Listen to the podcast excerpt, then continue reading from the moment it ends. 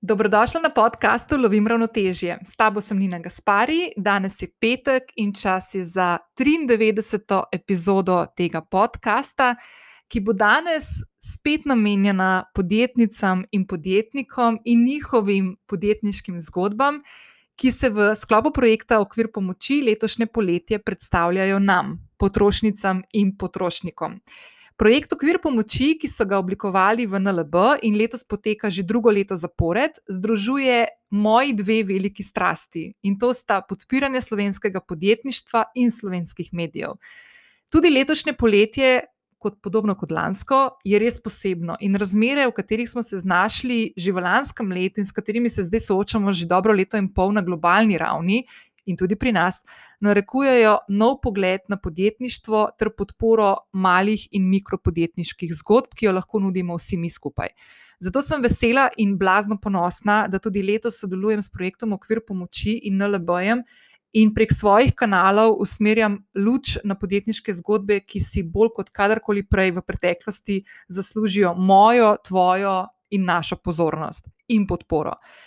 Si vedela, da se kar devet od desetih slovenskih podjetij uvršča med mikro ali mala podjetja? Skupaj zaposlujejo prek 400 tisoč ljudi, kar predstavlja več kot polovico aktivnega prebivalstva v naši državi. Zato so njihove zgodbe bolj kot kadarkoli prej pomembne, in zato je blazno pomembno in ključno, da jih podpiramo pri njihovem nadaljem razvijanju. Močno in zdravo podjetništvo pomeni močno in zdravo družbo, v kateri živimo vsi mi. Podpornik te epizode je NLB in projekt Okvir pomoči. S projektom Okvir pomoči, ki ga NLB skupaj s partnerji PopTV, Europlakatom in Mastercardom organizira že drugo leto zapored, tudi letos malim in mikrolokalnim podjetniškim zgodbam odstopa svoj oglasni prostor, da se lahko prek TV ekranov, velikih obcestnih panojev in oglasov na spletu ter družbenih omrežjih predstavljajo nam, da lahko spoznavamo njihove navdihujoče podjetniške zgodbe in jih podpiramo s svojimi nakupi, naročili ali obiski.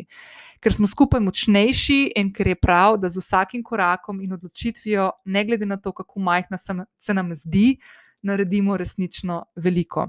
V zapisu te epizode najdeš vse povezave z vsako od predstavljenih podjetniških zgodb, ki jih boš danes spoznala v 93. epizodi tega podcasta. Preden pa skočiva in jih spoznava, uh, nanizala sem jih v abecednem vrstnem redu, tako da nisem preferirala nobene zgodbe. Ti želim še povedati naslednje. Ti pogovori so bili posneti nadaljavo in z različnimi sogovorniki, zato je možno, da bo med epizodo prihajalo do kakšnih sprememb v zvoku. Jaz se že vnaprej malo opravičujem za to, uh, upam, da te to ne bo odvrnilo od poslušanja celotne epizode, v kateri boš resnično lahko slišala navdihujoče zgodbe podjetnic in podjetnikov. Njihovega pogleda na trenutno ustvarjanje in vodenje podjetij, in prilagajanja uh, razmeram, v katerih smo se skupaj globalno in tudi v Sloveniji, seveda, znašli uh, in skozi katere plujemo eh, zadnje leto in pol. Eh, če še nisi prijavljena na podcast Lovim ravnotežje, to lahko storiš zdaj prek aplikacije, na kateri trenutno poslušaš to epizodo. Vedno sem vesela tudi ocen in mnen, ki mi jih pustiš na podcast aplikaciji ali pa se mi oglasiš najraje vidim, da narediš to na zasebnem sporočilu na Instagramu, uh, kjer se ti bom najhitreje odzvala. S prijavo oddaje ocene in mnenja na aplikaciji, pri kateri poslušaš podcast, pa pomagaš, da zanj slišijo tudi tebi podobne ženske in moški. Uh, tudi vas pozdravljam.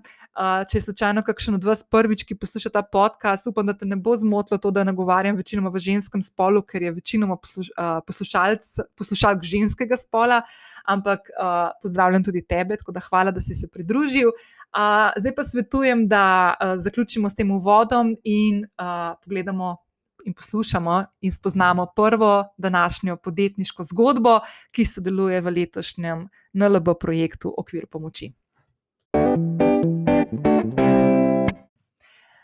Prva današnja podjetniška zgodba prihaja iz Štajerskega konca in sliši na ime Abel von Rast oziroma Abel von Rast. Uh, ustvarja pa jo Aleš oziroma Aleš, uh, ki je športni uh, učitelj v šoli, uh, tudi bivši nogometaš, družinski človek, ki je svojo strast uh, pred kakšnimi tremi leti v zadnjem letu in pol prenesel v svojo popodansko podjetniško zgodbo še v tem trenutku, ampak jaz mislim, da se bo Aleš še tako malo začelo razvijati v kakšne še malo bolj take široke podjetniške uh, izzive in poti.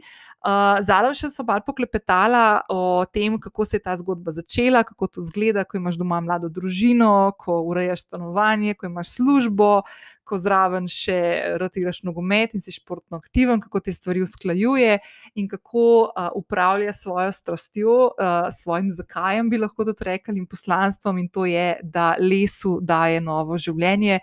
Tistim stvarem, ki jih ponavadi malo odvržemo, in, ali, pa, ali pa jih uh, pustimo na kakšnem um, robu ceste, ali pa upam, da nekje druge, jih Aleš vidi in v njih prepozna edinstvene možnosti, da se iz njih naredijo lepi, lepi izdelki.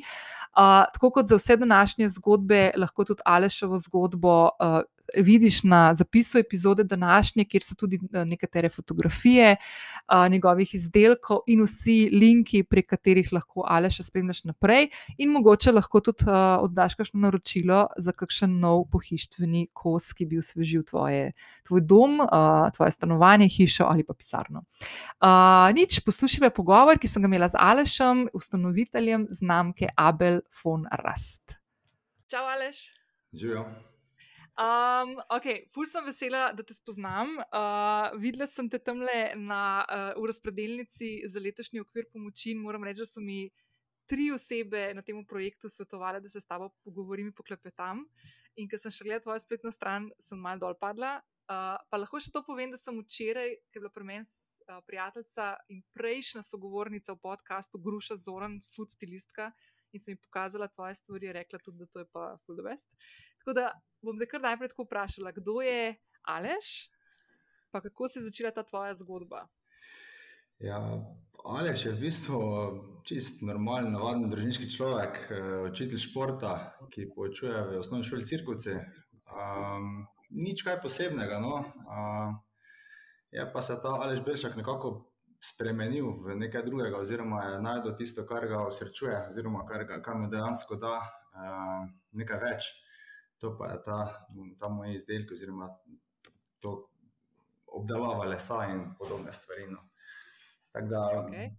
v bistvu, Alež Belšak je, se pravi, učitelj športa, uh, družinski človek, medtem ko Abel von Rast pa je nek moj alter ego, kjer se lahko jaz prstim in pač pokažem, kaj znam, kaj on In kakšne stvari delaš, ker jaz sem tako zdaj videla in si pač lahko nekaj po svoje predstavljam, ampak uh, te tvoje izdelke iz lesa, kaj je tako rdeča nit tega? Uh, Čisto po pravici povedano, rdeče niti, niti nimam. Uh, držim se pač starega, starega lesa, držim se uh, iz nekih v bistvu, odpadnih materijalov, izdelam neke izdelke.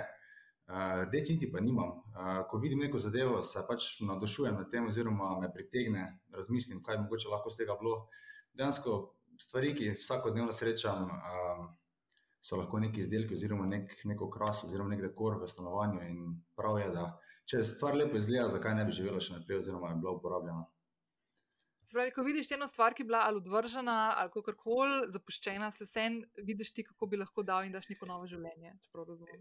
Ja, zmeraj sem fulj spremljal te uh, oddaje po Discovery in ostalo, ko iščejo po teh levih, eh, pač zapuščene stvari, stroje, te zadeve. In nekako se mi zdi, ti izdelki, ki so bili nekoč narejeni pred časom, ne vem, tam sto let nazaj, so bili kvalitetno narejeni, lepo narejeni. Vsaka stvar, tudi če je bila brez pomena, oziroma če ni imela neke vidne funkcije, je bila narejena lepo, elegantno, zaobljeno, potrudili so se in škoda se mi zdi, da te, leži, da, da te stvari ležijo nekje, ko bi se pa lahko uporabljale eh, dejansko v drugačne luči. Ne?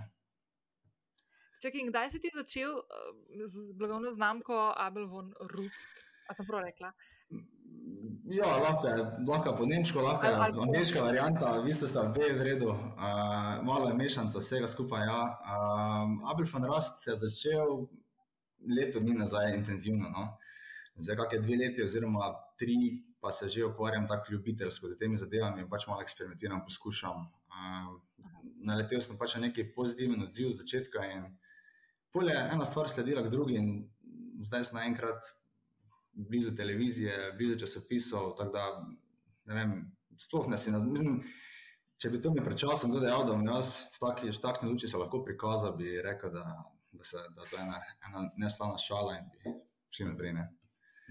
Ampak je ful dobro, ker eh, si začel praktično, ok, ne bom zdaj rekel do časa pandemije, mogoče že mal prej, ampak dejansko si pa zakorakal tako bolj konkretno v času, ko mogoče ni bil ravno tako najbolj uh, zaželeno, da greš v neke podjetniške vode. Dobro, se ti imaš tudi službo, ne delaš druge stvari, ne, ampak ja. ne glede na to, je pa vse ne, to kar tak podvig bil. Uh, ja, hočeš, nočeš. Uh, stvari so tekle same po sebi. No. Uh, nisem nekaj posebej naprezal, oziroma dejansko, da bi forsiral kakšne stvari, ampak eno gre z drugim, naročila tu, naročila tam. Um, potem vidiš, da to več v bistvu ne moreš tako peljati, ne, da treba to zadevo legalizirati in vse ostalo. Tako da ni bilo, ni bilo več druge opcije, kot da se gre v to, da se pač ustvari neko popolnsko obrt, uh, da se v bistvu pokažem širši okolici. Ne. In uh, zaenkrat to kar dobro uspeva. Ja, ko enkrat najdeš strasti, je zelo težko utišati. Pa te kar peljejo stvari v svoje smeri. Ne?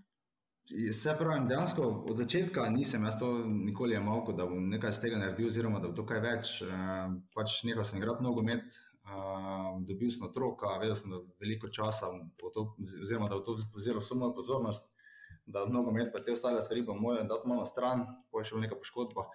Uh, In tako sem se zapolnjeval vse popoldneve, ker na miru pa ne morem biti, ne, to, da bi jaz zdaj sedel na kavču celo popoldne, to ne, ne pride poštev. Mm -hmm. Tako da začel sem za starimi vrati v kleti uh, in stvari se privedle do tega, da imam že kar, kar lepo zbirko izdelkov za sabo. Kaj še imaš na črte? Uh, Zaenkrat se samo prepuščam toku, uh, imam neke sanje, oziroma neke, neke zadeve, ki bi mogoče kdaj izpeljal, uh, ampak ne upam si zdaj uh, trditi, da se, ja, da, da se bo to uresničilo, oziroma da so stvari šle zelo tako daleč. Vsekakor imam neke želje, uh, zaenkrat pa se prepuščam vsemu skupaj in ko vidim stvari, jih kupim, vzamem, shranim v klet, klet je že polna skoraj potem pa iz teh stvari, pač enostavno, ko imam čas, ko mi to dopušča, izdelujem zadeve in tako naprej. A si ti kaj tako, mislim, ok, zdaj v tem letu, ki si ti se, ali pa leto pa pol, ki si se ti začel to malo bolj resno s tem ukvarjati? Um, a so se kakšne stvari, ki so se tako dogajale na tem poslovnem področju, tudi zaradi pač pandemije in tega, so te kaj uvirale, ali v bistvu si tako, kot si rekel, se prepuščaš toku, se prepuščaš navdihu? naročilom in tako naprej. A si kakšno stvar sprejel, kakšno odločitev drugačno, ali bila kakšna taka zadeva? Zdaj, jaz imam eno pač veliko srečo, da nisem finančno odvisen od tega in dejansko lahko, dejansko lahko dam sebe v izdelke, oziroma dejansko lahko delam to, kar mi je všeč in kar mi paše, ker nisem odvisen od plačila oziroma denarja. In mislim, da ravno to, to privede do tega, da sem. Uh, da, da so me ljudje prepoznali, da so videli, da izdelki nekaj nosijo s sabo, da so drugačni, da niso vsakodnevni, da so skrbno narejeni z, z veliko pozornosti. In um, ni bilo pač dejansko to, da imam svobodo, da lahko delam, kar se meni zdi prav, oziroma kar se meni zdi privlačno, zabavno. Mm -hmm. Ja, to je malo drugače, kot če si odvisen od tega, pa je to tvoj edini ali vir prihodkov ali kako koli. Seveda, takrat je treba pač gledati, pa jemati vse, oziroma vse, kar pride, ne? da se, da se zagotoviš obstoj, zdaj pa je lahko jaz malo si izbiram, kaj bi naredil, kaj ne. In eh, mislim, da je ravno to je privedlo do vsega tega skupaj, da, da imam svobodo. No?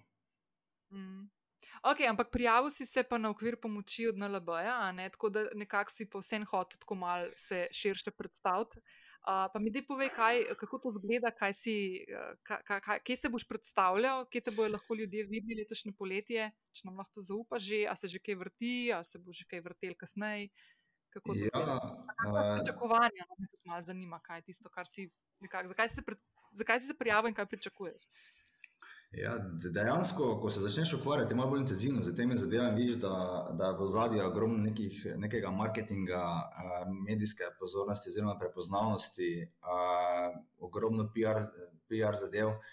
In tukaj vidiš, da ti manjka. Manjkajo tako izkušnje, kot manjka znanje, kot tudi meni manjka časa. Ne? Jaz časa nimam, prav bi 36 ur dan, da bi lahko spal stvari, pa žal ni. Mhm predvsem to, no, predvsem iščem, uh, da se pokažem, da lahko širši, širši javnosti pokažem, kaj delam, kaj znam, kaj imam. E, in predvsem to, predvsem to me je pritegnilo k temu projektu, ker to pa je res ena odlična možnost, da v bistvu širši Sloveniji pokažem, kaj lahko ponudim, oziroma kaj vse imam na zalogi, oziroma kaj vse imam v sebi. No. Um, tako da, um, predvsem to. No. Uh, Super. No, super, ne vem, če so ti povedali, ampak ti bom jaz drugače poslala, ker, se, uh, ker smo se tako zmenili, da ti bom jaz poslala, jaz drugače sem PR-ovka in ti bom poslala en vodič, kako je fino se pripraviti za pogovarjati z novinarji. Tako da zdaj sem že videla neke članke, da so že bili objavljeni po spletu, uh, da, boš, da se bo še dodatno, bo še, še to boš pripravljal naprej in ti bo to letel, kot je treba, tako da ti na mail poslala. Odlično, super, hvala. No. No, uh, Ej, ful, ja. Hvala, pa tam vidim za tabo eno tako ful dobro stvar. Tako, to si ti naredil, ne valjda? Ne, to pa je. Ne? To pa je v bistvu tapeta. tapeta Res? Ne? Veš, ta kuhinja tam zadaj. Ja. To pa je, to pa je foto tapeta. Zgleda pa kot deblo. E, jaz, Zgleda ja, kot deblo, ne, za tabo. Ja, ja, Aleksij, ne pa, sedem. Okay. Not best. Ja, hej, uh, Aleš, ful, hvala, da si si vzel čas. Sem ful vesel, da sem te spoznala in te spremljala z veseljem tudi naprej. In za vse poslušalke in poslušalce, uh, skočite lahko na uh, zapis epizode in je tudi vse polinkano, tako da lahko Aleša in njegov, Aleša, Aleša in njegov Abel, von ali pa fon Rust spremljate tudi naprej in ga podprete tudi s kakšnim naročilom. Ja, hvala ti, ful, pa srečno. Hvala vam, da ste me sprejeli ne, oziroma prikazali. In da mi uresničujete nekaj sanje. No, da, hvala lepa. Z največjim veseljem. Lepo vodi. Ja. Čau. Dio. Naslednja sogovornica je Janža, uh, ženska s krasnim imenom in s krasno podjetniško zgodbo. Uh, ful se veselim, da jo boš spoznala danes v najnem pogovoru, ki je ne samo, da je poln kreativnosti in strasti, ki jo je Janža upletla v svojo uh, podjetniško pot, po kateri hodi zadnjih 4-5 let, ampak je fulno navdihujoča, predvsem za vse tiste, ki se v zadnjih obdobjih, zadnjem letu in pol. Soočate s kakšno izgubo energije, zaupanja, um, zaupanja v svoje sposobnosti, zaupanja v pot, po kateri hodite, in tako naprej. Janža Fule lepo razloži v najnem pogovoru, kako je sebi uprit in svojemu podjetju uprit obrnila situacijo, v kateri smo se znašli pred letom in pol, in kako je to situacijo izkoristila za brco v ritko za tiste stvari in projekte, ki jih je želela že nekaj časa izpeljati in jih ni, ker jih je prelagala. Uh, zaupala ti bo, nam je, skupaj vsem, tudi nekaj stvari, ki jih pripravlja v nadaljevanju. Jaz se fulj veselim. Uh, Ful mi je všeč, ker Janža, ki je oblikovalka glinenih izdelkov, mimo grede. Uh, je uh, skupaj s svojimi kolegi umenili v debati Hano Karim, ki je ena od najbolj znanih in prepoznanih ustvarjalk glinenih izdelkov pri nas in širše, uh, so se skupaj združili in pripravljajo en projekt uh, Studio Biskuit, ki se bo v septembru odprl tukaj v Ljubljani in mi je neverjetno lepo, ko slišim. Uh, kolege, podjetnike in podjetnice, kako v svoji branži skupaj stopajo, si pomagajo in uh, odpirajo nek prostor ustvarjalnosti, komuniciranja, spodbujanja uh, svoje branže, konkurence, konc koncev in širše. Uh, Janžina zgodba je full fine. Uh, Fuljo je fajn za poslušati, uh, tudi zato, ker jo je um, Ful lepo v, v pogovoru predstavlja tebi, draga poslušalka, dragi poslušalec. Uh, jaz mislim, da ste tukaj med vami, vas je, ta, vas je sigurno nekaj takih, ki bi vas njeni izdelki in storitve zanimali. Mal zato, ker uh, so ustvarjalni, kreativni, ker so lahko lepa darila zase ali za kakšne ljudi, ki jih imamo radi, in zato, ker uh, omogočajo, da ustvarjamo doma, v zavetju svojega doma ali pa v družbi naših najdražjih, zdaj, ko se končno lahko tudi spet družbo, družbo srečujemo uh, in ustvarjamo skupaj dobro energijo in lepe spomine. Tako da predstavljam ti Janžo iz Janžo studija in ful, hvala Janžo, da si bila gostja. Ful sem vesela, da sem te nadaljavo videla in ko mi čakam, da se vidiva v živo. Pa poslušimo pogovor z Janžo. Hej, Janža. Življenje, v redu, hvala pa ti. Ej, dober, ej, veš kaj, ful sem vesela, da te vidim sicer tele po ne, računalniku, ja. ker te nisem že sto let videla. Tako res. Ja. Ja. Se mislim, ja, da smo imeli vsi en tak velik gap med tem, ko smo se videli. Ja, ker pač Dobre, malo je korona, videli. pa tudi drugačno. Tako, ja, ja, res je. Okay, ampak da vam in v začetku, zakaj ste se danes dobili? Jaz bi ful sem vesela, ker sem videla, da si se prijavila na okvir pomoči in sem to takoj zacahnila, da bi te imela tle na podkastu. Uh, zato, ker dejansko, če sem čisto iskrena, pa te bom zdaj vprašala, kako si začela ti svojo podjetniško zgodbo, pa kaj sploh počneš, boš sama predstavljala. Ampak A veš, da jaz ne vem, če so se mi dve dejansko tako videli, da bi kaj klepetali, potem, ko si ti začela se s tem ukvarjati, bolj tako za res. Ja, jaz A mislim, veš? da ne. Sej, mo, mislim, nisem se začela s tem ukvarjati lih nedavno, ampak glede na to, s kakšnim medijem se ukvarjam, to je glina, je še vse en potrebnih pol enih let, da ti prideš v mhm. to. Pač je en trening, jaz to čist primerjam v bistvu s športom, ker gre za nek mišičen spomin, uh, um, za, neko, za neko veščino, no, ki jo pač človek mora usvojiti, mm. in poleg tega, da se pač moraš naučiti biti podjetnik, kar se itak moramo vsi naučiti, ker smo na taki poti, pa vsi obrtniki. Je tle še ta specifika te ročne izdelave stvari, ker jaz se pač formalno nisem izobraževala na tem področju, jaz sem študirala vizualne komunikacije mm -hmm. in se potem, potem v bistvu usmeril glino, mečkam po nesreč, mal pa zato, ker sem v bistvu opazila, da mi delo, ki sem ga prej delala v neki pisarni, ki ni imel veze niti z oblikovanjem, pač res ne ustrezane. In mhm. sem tam dala odpoved in se znašla tako pred pač celim svetom stvari in v resnici nisem vedela, kaj bom počela. In sem se parjavila Hani Karim na delavnico uh, in smo se medve pač noro ujeli. In me je v bistvu povabila, da sem njena vajenka. In to je bilo tako, res se nam je vesolje poklopilo. No? In mi je ona v bistvu predstavila glino in vse to. Uh, ona mi je pokazala, kako se vodi studio, kako je biti v resnici freelancer, čeprav sem poleg vseh, vseh služb vedno nekako freelancer. No? Jaz mislim, da sem pač protko en tak pojem freelancerja, ker mi ful ustreza to, da lahko mal preskakujem med projekti, da lahko delam različne stvari, da imam to svobodo, da v resnici delam pač kar hočem. Uh, in mi je to res fajno. In pa potem, ko sem pač prhani nekako opravljala to vajeništvo, če lahko rečem, sem pa poiskala svoj studio, no? in sem se pač mhm. nekako preselila in začela delati sama. Ampak kdaj ste ti vidve s Hano takrat tako poklopili, koliko časa je zdaj že od tega? To je bilo, sem šla prav razmišljati, mislim, da 2017.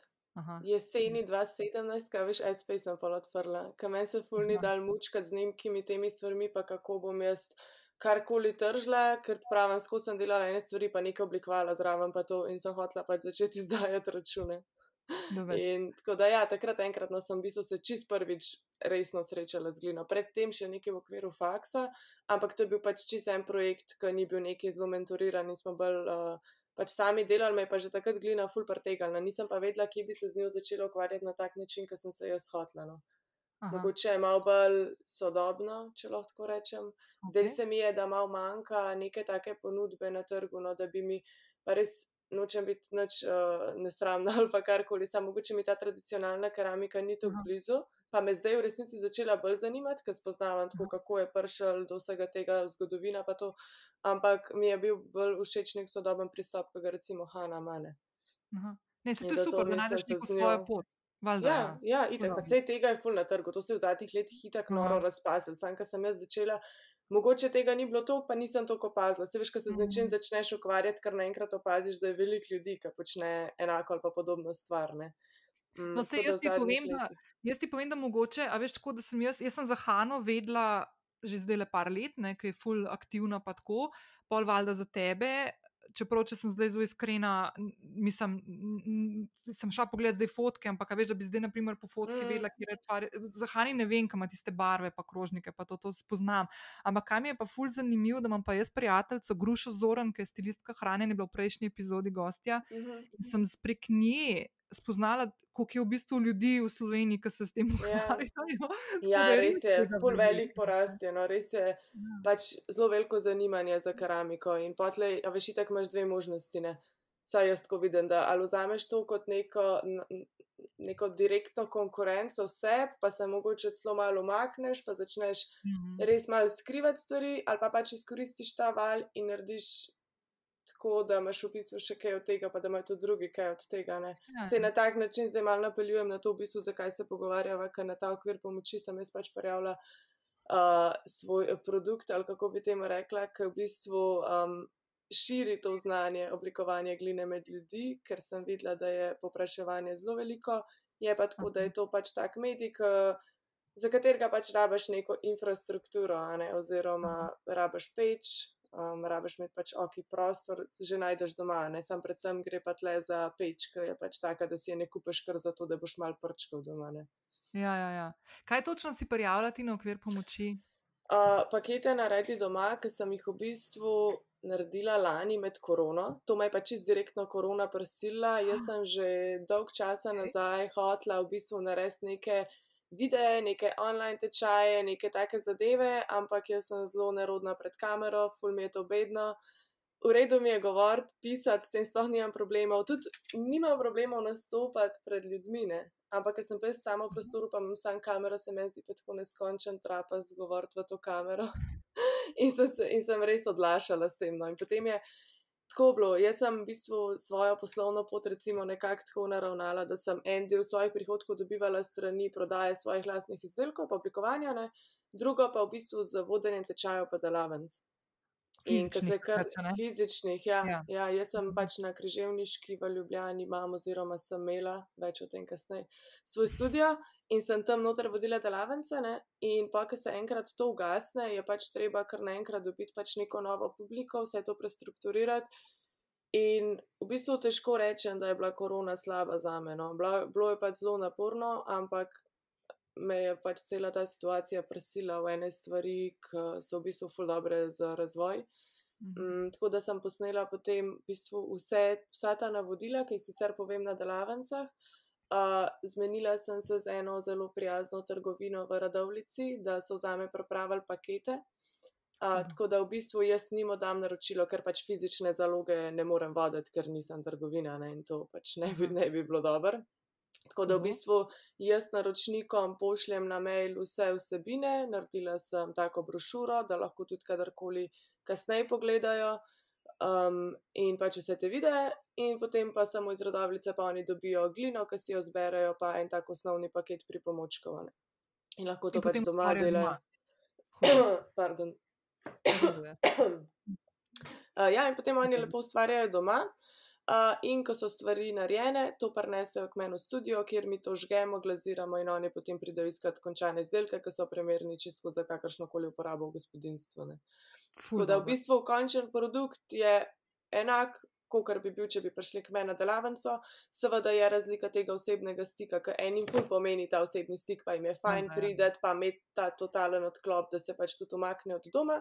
Po drugi strani je pa to omogočalo spet neke nove stvari. Ne? Jaz sicer vedno, ko pošljem te stvari, dopišem pač prosim, ne pošiljati naprej, ampak jaz tega nisem zakodirala. Jaz tudi razumem, da se vsi tega ne morejo prvoščati. Pač, če jim to kaj pomeni, pa ne vsi skupaj delajo in je itek plan, pač nekdo kupi in vem, da se dobivajo pač skupince ljudi ob neki na neko periodo in skupaj ustvarjajo.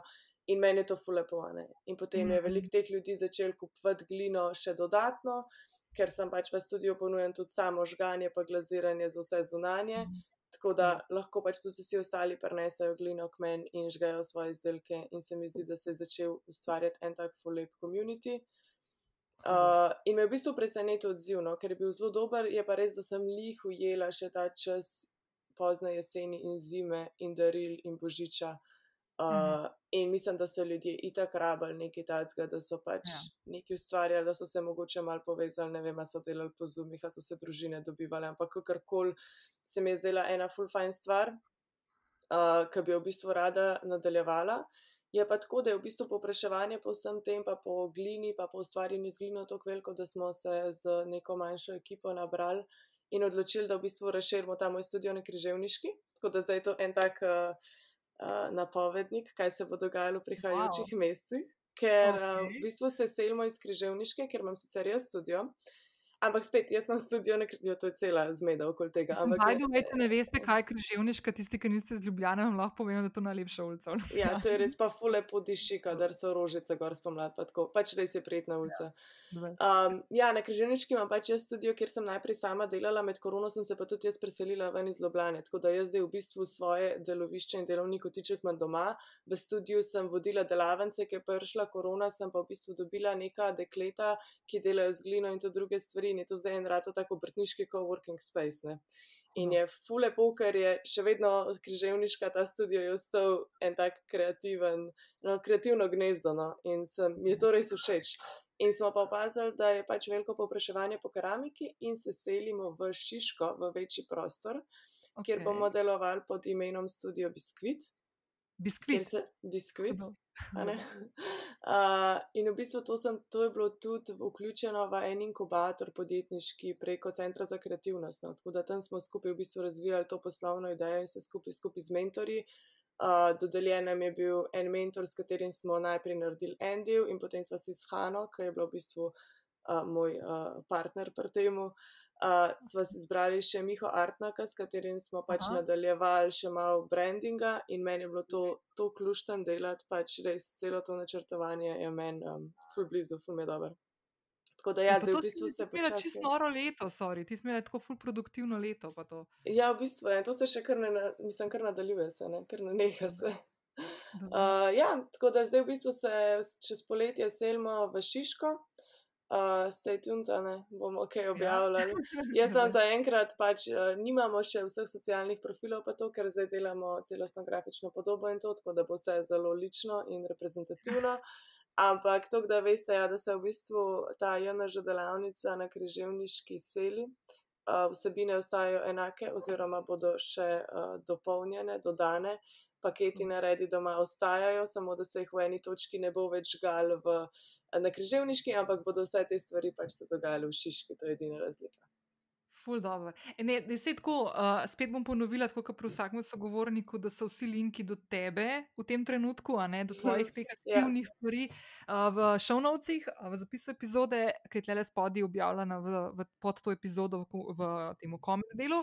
Um, pa pa pač noč, podsledite Janži in boste te stvari lahko takoj videli. Ja, hvala. Ja, ful, ful si odgovorila že na vprašanje, ki sem jih imela, kako si se prilagodila. To, ful mi je, da bes, ki si tako rekla za to korona. Veš, kako, jaz sem imela tako ful podobno situacijo, um, ki te je tako seka, tiste prve tedne lani marca, ki je bil sam tako wow. Ja. Um, ampak jaz tudi lahko rečem, da, mi, da sem toliko enih brc dobila. Um, Mal sem zelo v zadnjih mestih zaspala, priznam, ker sem imela en kup enih drugih stvari za urejati, ampak ok. Ampak jaz sem toliko enih brc dobila, ker sem se jih hotela lotiti, pa se jih nisem in sem v bistvu bila dobesedno prisiljena lansko leto in sem full vesela. In tole, kar si zdaj ti povedala in kar si razložila, kako si se ti obrnila, se mi zdi tako, mislim, da best, full pametno in full dobro, da si tako povedala, da tudi drugi to malo slišijo. Zato malo da se da, ne, sam treba. Ja, pač mislim, se ni lahko, se to zdaj tako govorim o tem, pač mene je v mestu totalna panika grabila, ne, pač, ko se je vse to začel. Prvi teden sem bila jaz pač totalno tesnobna in tako pač mhm. kva, kva se dogaja. Uh, vse te pomoči državne se sploh nočem iti na nič politično, samo ta pravila so tako malo zastavljena, da če si ti podjetnik, ki začenja svojo pot, je normalno, da te nekako rastejo vse zadeve, kar pomeni, da pač nisi pravičen do nobene pomoči in pa je tako mal pač je bi se in zdaj pač se znajta. Mm -hmm. In v resnici jaz sem itak taka, da imam kar malo slabo veš, če mi kdo kaj dane. Tako imam ja. občutek, da se moram potruditi za ene stvari. In v bistvu mi je bilo čisto luštno. No, ja, po tistem prvem tednu panike sem imela tako ene, dva tedna tako nekega popolnega zena, ker sploh ne vem, kaj je bilo, ker v resnici veš, ker se tako malo umiriš, pa kar rabaš dopust, si ga nikoli ne vzameš, pa pa pač ti ga korona prnese za nekaj časa. Pač se ni dolg trajal, ampak se je zgodil in potem sem lahko postala full kreativna, pač tako pr čist svojem lastnem oblikovanju full enih novih stvari sem takrat naredila v, v času korone, ker prej v bistvu nisem imela časa, ker sem zraven delala še na nekem projektu, ki sem ga nedavno zaključila in je trajal v bistvu dve leti, mislim, projekt sodelovanja je, no, z nekim mhm. plezalnim centrom. Uh, in mi je bilo full fino, uh, sam sem pač začutila, da je čas, da se premaknem, ker preprosto nisem več shendlala stvari, ki jih je bilo preveč. Um, mi je bilo pa fino, hočem reči, to delati dve zelo različni stvari, pač biti mm. sama in imeti torej svojo glino in se omakniti. In jaz sem navajena biti sama, ampak hkrati mi je pa pasal let tudi delati v ekipo, pa delati neke stvari, ki imajo mogoče tudi mal širši vpliv ali pa vpliv na več ljudi, no, da tako rečem, ker mhm. gre pač za velik plezalni center. In je bilo to pač super, pa res sem se veliko naučila. No. Mm. Mm. Ampak ja, meni se je korona zdela pa kar tako. A veš, jaz sem ta človek, ki sem reč doma v resnici. Ne? Aha, ti pasal, ne? Ja, ful, na polno. Pa sem se še preselila uh, nekam, ki je tako dober, da če grem na dopust, uh, bi v bistvu šla takoj reč nazaj, ker je tle ful lepš.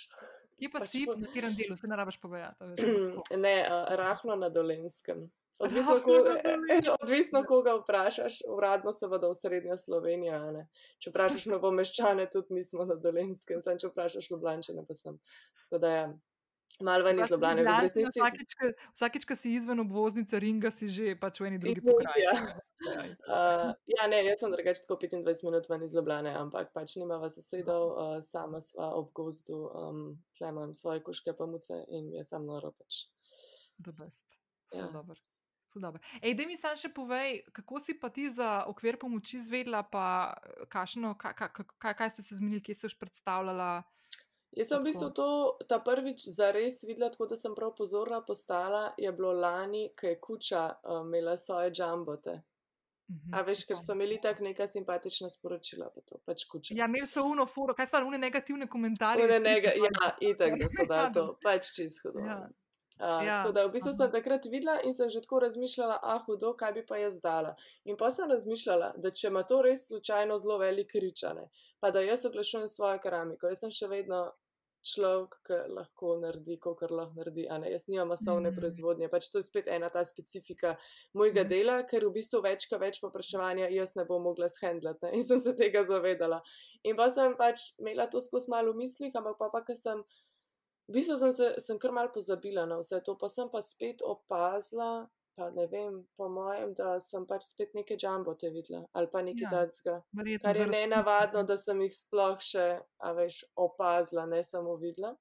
Je to mogoče, uh, zato, da se voziš 25 minut v Ljubljano? ja. Vsi sem drugač kar pozorna na jumbo, te sem pa iz tega, ker so mi pač bizarni. Uh, ampak ja, to sem rekla, ne, noč, da to bom pa malo pogledala, pa sem pa prebrala, pa v bistvu sem videla, da ta moj um, naredi doma paket je taka stvar, ki prenese lahko tudi veliko povpraševanje. Hkrati sem v svoj effort, glaven, že naredila, tako da ni zdaj nekih zelo dodatnih stvari, tako se mi zdaj smiselno, pa tudi zdi se mi, da ima ta paket en tak uh, zelo dober potencial. Tudi za razvoj potem uh, študija Biskvit, pa vse to. Um, mislim, da ta stvar tudi v tujini to pač dela. Ne. Zdaj, mm. čez poletje je seveda manj povpraševanja, pa to. Ampak drugače pa vem, da marsikdo fulje dela od doma, fulje lepo darilo to, mm. uh, fulje lepa stvar za družiti se ob njej. Ej, kaj pa poletke delaš, imaš kakšne delavnice? Ja, selmo studio, tako da večinoma to. Aha. Potem imam eno zelo, ful, eno stvar doma, ki se tako zelo veselim, ker dobim leglo kuško, vipetov. In bomo v bistvu pa vi, vipetov, mali angliški hrti, te, ki so okay. po celi Ljubljani, zdaj oni so hrti. Okay, ja. ja. Uh, tako da bom v bistvu pasja mama dva meseca, tega se še najbolj veselim. Uh, tako da, kako bomo vse to shendlali, ne vem še, ampak vse, vse smo se navadili delati od doma. Tako, no. uh, tako da poleti bo bolj tono, pa selitev studija, pa v bistvu pripravljanje vseh vsebin za potle jesen, da z biskvitom napolno zaštartamo. Um, mentorjev bo več, pač uh, v bistvu bomo ponujali neka izobraževanja za splošno javnost v prihodnje bi radi imeli tudi neke okrogle mize, pa kaj bolj za stroko, da se malo povežemo, mm ker smo zelo razdrobljeni. možnost bo tudi najema ateljejskega prostora za tiste, ki pač ga rabijo, pa nekega oblikovanja. Veš, tako kot prideš v džima, ne? sam da boš prišel delati z glino, tam boš imel vse materijale, pa pripomočke, ne boš imel pa pač mentorja oziroma trenerja, ker ga mogoče ne rabiš ali pa nočeš. Ja, ja, ja. Tako da, v bistvu, čez poletje se bo to pripravljalo, od spletne strani za, ta, za biskvit, pa tako naprej. No. To, to so glavne okupacije. Ma bravo. Ej, ful dobro, ful sem vesel. Ful sem vesel, da ste se slišali, ful sem excited, pa da best mi je to. Hvala, tudi jaz. En ta, veš, en tak konc vmes, ko si ti začela, pa to uh, mi je spuzel in, in mi je zdaj tako čisto amazing, ker te poslušam in se mi zdi tako da best, res. Pa kako si izkoristila ta čas? Top, ej, ful dobro. Ful, prav taka. taka hvaležna sogovornica si, da to temo. Hvala. Se moram reči, da sem bila prav vesela, ker sem, pač se sem ti rekla, sem farada podcast. Uh, in mi je zelo blizu ta medij, in se mi tudi zdi, da zdaj pa to čisto objektivno je tvoja publika zelo primerna za to, kar jaz ja. zdaj govorim. Uh, Uh, pač vse poslušalke in poslušalci se mi zdi, da so taki nagnjeni k takim stvarem, da bi jim bilo to lahko fajno.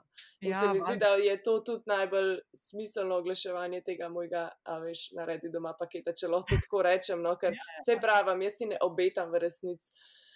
Večje neke blazne prepoznavnosti preko jumbo plakatov, če bo do njih prišlo, ker vemo, kako je z njimi, a ne. Mislim, ne moramo več videti vsega, kar se dogaja in vse, vsa oglaševanja pač po social medijih, vse tega je to, da vem, da se stvari pač tudi zgubijo. Mm. Tudi če so zelo dobro nastavljene, je zelo težko priti do ljudi.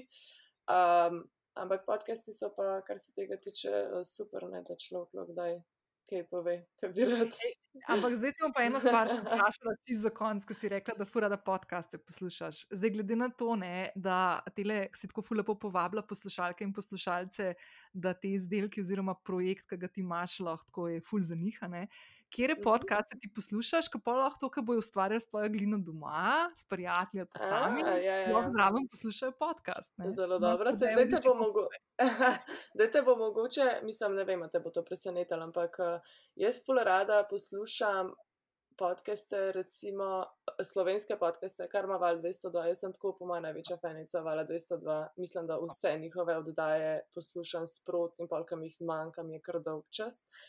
Um, potem poslušam od BBC-ja stvari zelo rada. Okay. Uh, razne ameriške zadeve, kot je Hidden Brain, Invisibilia, pa ne vem, Embedded, pa take zadeve so mi uh -huh. super fajn, ampak jaz se kar mal naveličam tega njihovega poročanja, ker so zmer tako zelo, a veš, mal senzacionalistični. Ja, tako ja, zelo ja. imajo nek tak način. Ja, nek tak način naracije imajo, ki mi mogoče ni tako blizu na dolgi rok, fajn mi je za nekaj časa, pa se pa pač malo prenajem. Uh, super mi je, recimo, cela mreža aparatus, ki se zdaj malo ustavlja. Uh, mm -hmm. Jaz sem včasih košarko igrala, pa mi je pa tako noro, da pač imel nagbar svoj podcast, ki sem bila res vesela, tako, tako dobro predstavljaš športnike, hudom. Tako da ga pogrešam, tak apel, če lahko nagbar ima nazaj. Ja, tako že, budimo se. No, A lahko ja. samo nagbarju daš nazaj dostop, prosim, že? To bi prosila. Ja. Um, potem metina lista mi je super, oh. metamorfozo poslušam, pa rada. One, zdaj nočem na res krivice, komu je stres to binča. Ne, ne, ne. How to fail with kdo Elizabeth neki. Hm? Aha, kako se piše? Pismo. To sem že, ne bom zdaj vedela, ampak bom šla pogledat, pa bom probala to vključiti. Ampak ja, se je, how to fail, je, tako da. Uh, ja, ja. To mi je recimo tudi fino. Pa so pa neke take miniserije, ki sem jih gledala, mislim, gledala, ja, poslušala, ne vem, Missing Crypto Queen, recimo, pa take. Ti imaš krimiče na potku, ki se kaže. Ja, ja, ampak to mi je ja, ja tako, ja, to mi je res za kdaj. Drugače pa zelo rada neke stvari v znanosti, veš, frekvenco X ali pa pač mhm. val 202, no. Mi je tako v bistvu. Ja, se so hudi, se so ful hudi. Pač, ja, dobre, dobre vsebine, meni je odbita, dobita, ful dobro. Ja, ja, ja tudi. Vse, le se ti pravim, jaz val 202, mislim, da sprot praktično vse poslušam. Tako, ker mal sem gi, ker, a veš, nijam radija pržganga ponavad, uh, ampak potlej pač, pa tako, jaz imam res, res rada glasbo, ne? ampak sem opazila, da me kdaj, da si ne morem zbrati, kaj bi poslušala in ful reč pol ja. poslušam pač neke podcaste, mm. uh, pa hodim na koncerte, ko oni so. Ej, a ti nekaj povem? Jaz sem danes na prvi koncert po ne vem koliko času. Oh. Prav danes, ko snemava in gremo cankarja na boža vreča, ne vem, če ga poznaš, jaz sem ga pred enim mesecem slišala za njega, en bosanski izvajalec, ki je bolano, hud glas ima in vrti se v petah, ker je derviši in fucking komi čakam, da grem res tako prav danes. Tako da sem čist excited. e, mislim, da nam to res, mislim, jaz sem prav me začutila, da mi to res manjka. Se ti pravi, mhm. tako ni mi neki full do druženja, pa to, ampak to pa kar pogrešam. No. Ja. Občutek. Pa še poletje je, kaj je tako fino, kaj je toplo, pa vse. Ja. No, tako, da, ja. Uživaj dan sam. Ej, enako, ja, hvala, hvala. Ej, uh, sva na vezi, pa evo, še jaz sem se zdaj malo za, hm, mogla odkašljati. Dej, uh, ko boš pa imela tole otvoritev, pa to pa dekaj javno, z veseljem, pa pridemo malo mem. Pa... Absolutno, ko mi čakam, da bo otvoritev, res se veselim. Vse bodo verjetno, še zdaj to je ena taka najavica mini. Uh, jaz upam, da bodo jaz, uh, v avgustu neki taki mini promo dogodki, pač neke krajše delavence, ki verjetno še ne bodo vse stvari čisto poštimane, ampak to, da malo povabimo ljudi, da spoznajo lokacijo, da spoznajo ekipo, da malo predstavimo, kaj se bo dogajalo, da si lahko kaj naredijo z gline. Um, tako, no. No, da javi, pa ti jaz tudi kaj poširam na, eh, na Instagramu. To, no? Najlepša hvala, Nina. Ja, in tako, hvala, z veseljem. Z veseljem. Ja, Janža, ful, hvala, sem ful vesel, da smo se tako videli, no, čeprav prek računalnika, pa smo na vezi, pa se kaj tako ujamemo. Ja, ja pa se pa vidimo v Šiški pred biskvitom. Super, lepo se me. Čau, čau. čau. čau. Naslednja sogovornica je Alma Kohavi, soustanoviteljica krasnega kulinaričnega projekta Odprta kuhna, za katerega verjamem, da ga ni človeka, ki še ne bi slišal.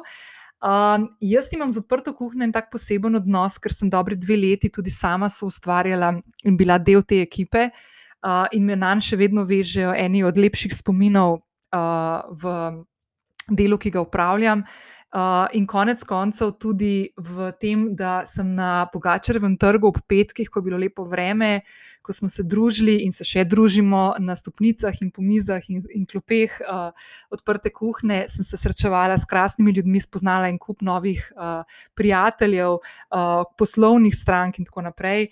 Tako da uh, odprta kuhna je skoraj deset let že eno tako stičišče družabnih in kulinaričnih uh, druženj ki jih bo danes Alma malo bolj opisala v, svoji, uh, uh, v pogovoru, ki smo ga posneli.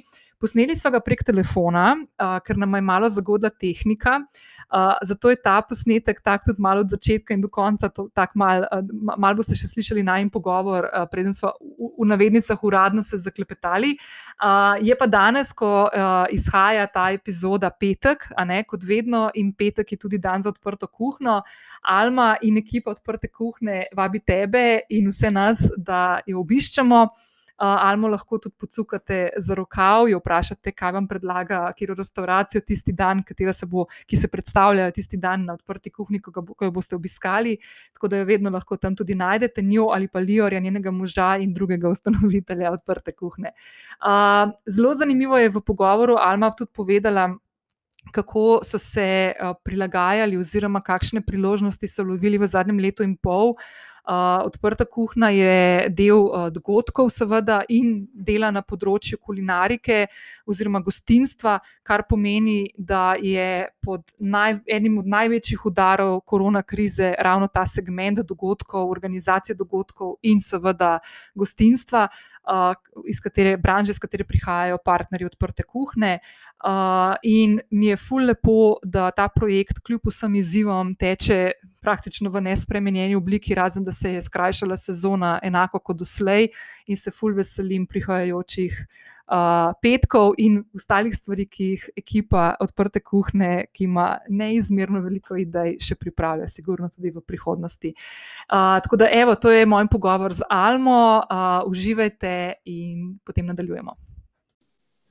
Hej, živijo. Čau. Hello. Ja, meni se zdi, da se snimava.